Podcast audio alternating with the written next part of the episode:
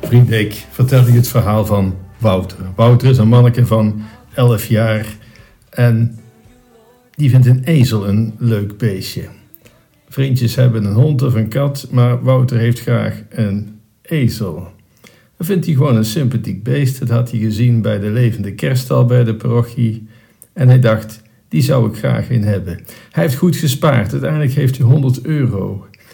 En hij gaat naar een boer die een ezel te koop heeft voor 100 euro. En Wouter die geeft het geld af en de boer zegt: Ik zal hem morgen bij je thuis brengen. Maar dan die volgende dag. Een telefoontje. Sorry jongen, maar ik heb slecht nieuws. Mijn ezel lag deze ochtend dood in de stal toen ik hem wilde voeren. Nou ja, geef me dan mijn 100 euro maar terug, zegt Wouter. Dat kan ik niet, zegt de boer. Ik heb alles al uitgegeven. Nou goed, dan breng me dan toch die ezel maar. Ja, maar die, die dood, heb ik toch gezegd. Nou, breng hem toch maar. Wat ga je er dan mee doen? Ehm, ik ga hem verloten op school. Ik ga een loterij houden. Maar je kunt toch geen dode ezel verloten? Jawel, zegt Wouter. Ik zeg gewoon aan iemand dat hij dood is. Dan denkt de broer, ja, het is mijn probleem niet, dus hij moet het maar doen. Hij levert de dode ezel af bij Wouter. En een maand later komt de boer nog eens langs bij Wouter en zegt: Jongen, hoe is het met mijn dode ezel afgelopen? Nou, zegt Wouter, ik heb hem verloot. Ik heb 200 loodjes verkocht voor 2 euro per stuk. Toch een leuke winst behaald. Maar heeft er dan niemand geprotesteerd? Jawel, alleen de winnaar, maar die heb ik gewoon zijn 2 euro teruggegeven. En klaar is Kees. Een verhaal van een oplichtertje, want Wouter is natuurlijk een kleine oplichter, maar ook een slimme jongen. We komen dat ook tegen het evangelie van vandaag. Er is een rentmeester die de boel bedonderd heeft. En uiteindelijk komt het aan het licht. En hoe gaat het verder? Het is een van de merkwaardigste verhalen die in het evangelie staan. Een verhaal dat uit de mond van Jezus op zijn minst verbazing oproept. De parabel van de onrechtvaardige rentmeester, zo heet het in de volksmond.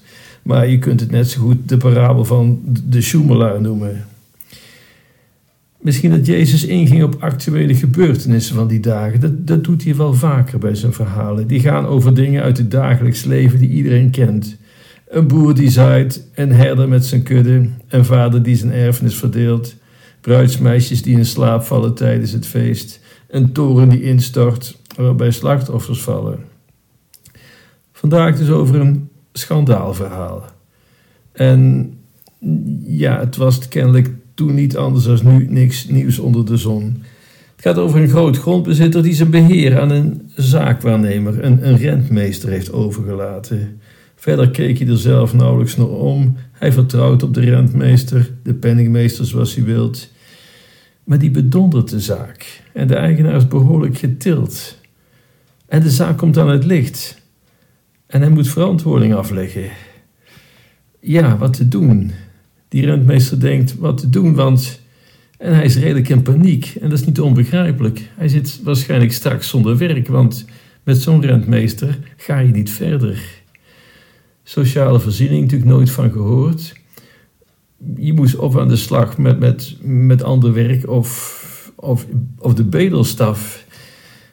En kennelijk is hij al wat ouder, want hij denkt direct: spitten kan ik niet. En bedelen, daar schaamt hij zich voor. Wat nu als ik direct geen baan meer heb? En wat doet de rentmeester? Hij beduurt zijn baas nog meer door valsheid in geschriften te plegen. Iemand die duizend euro aan zijn baas verschuldigd is, zegt, dat zegt hij tegen, scheur maar kapot, we maken een nieuwe schuld bekend, is 600 euro. Teken maar gauw. En zo doet hij dat een, bij, meerdere keren. En hij denkt, zo kom ik misschien in een goed plaatje bij die mensen te staan en hebben zij misschien wel werk voor mij. Oké, het is weer ten koste van mijn baas, maar mijn ontslag krijg ik toch. En goed, en het kan niet uitblijven op dat er iemand is die aan Jezus vraagt: En wat denkt u hiervan, meester?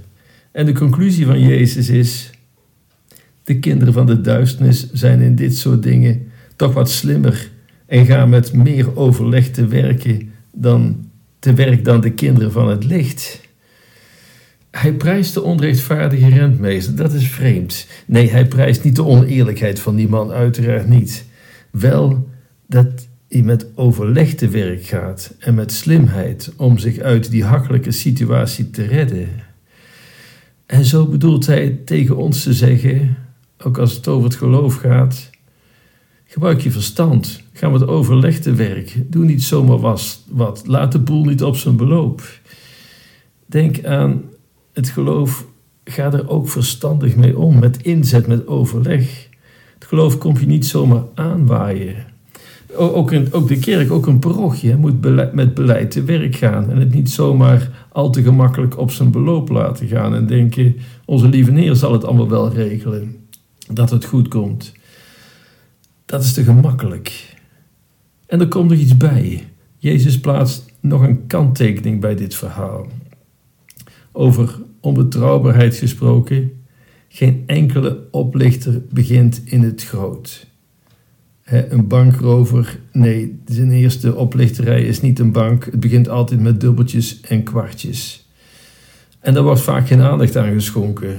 Of, ach ja, we glimlachen ermee. Of we vinden het niet de moeite waard om er werk van te maken. En toch, roep het daar al een hand toe. Want zoals het gezegde gaat, anders gaat het van kwaad tot erger. Of met de woorden van Jezus, wie onbetrouwbaar is in kleine dingen, die is het ook in het groot. Denk aan eh, een simpel voorbeeld als je met pijl en boog schiet. Een kleine afwijking in het begin, een, een paar millimeter, is op afstand een paar meter verschil. Of denk aan een voetbal, een bal springt net een klein stukje op en je schiet meters over. Die kleine dingen die kunnen grote gevolgen hebben. En als je er geen werk van maakt, dan gaat het van kwaad tot erger. Onbetrouwbaar zit in het hart en het karakter van een mens.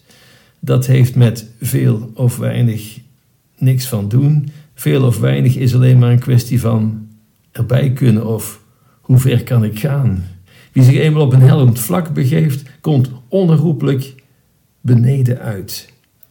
En weer even later wordt Jezus helemaal bloedserieus als hij doorstoot naar, laten we maar zeggen, zijn eigen terrein.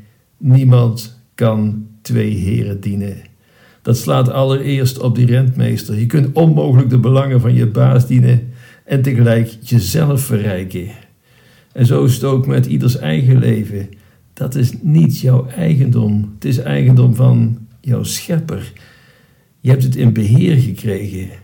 Je kunt niet al je krachten en talenten inzetten ten nutte van anderen en tegelijkertijd, achterom, jezelf rijkelijk bedelen. Het is het een of het ander. En dan nog zoiets, hè? het leven draait niet om jou. God staat centraal. En aangezien we slechts beheerders zijn door hetgeen God ons gegeven heeft, zullen we ook een keer rekening en verantwoording af moeten leggen. Laten we gemotiveerd zijn, laten we creatief zijn, werk maken van ons geloof. Verdiep je erin, maak er werk van, span je ervoor in.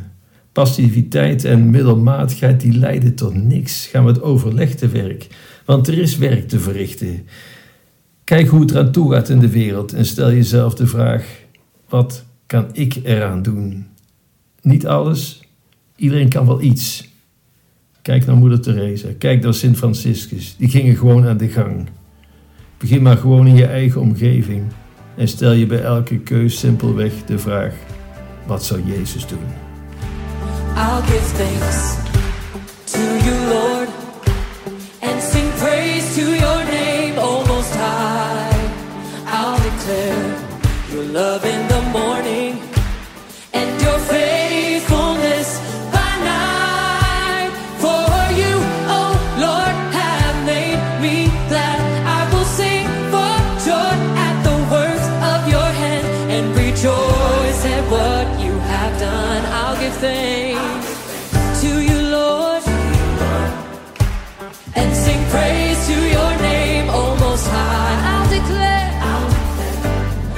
la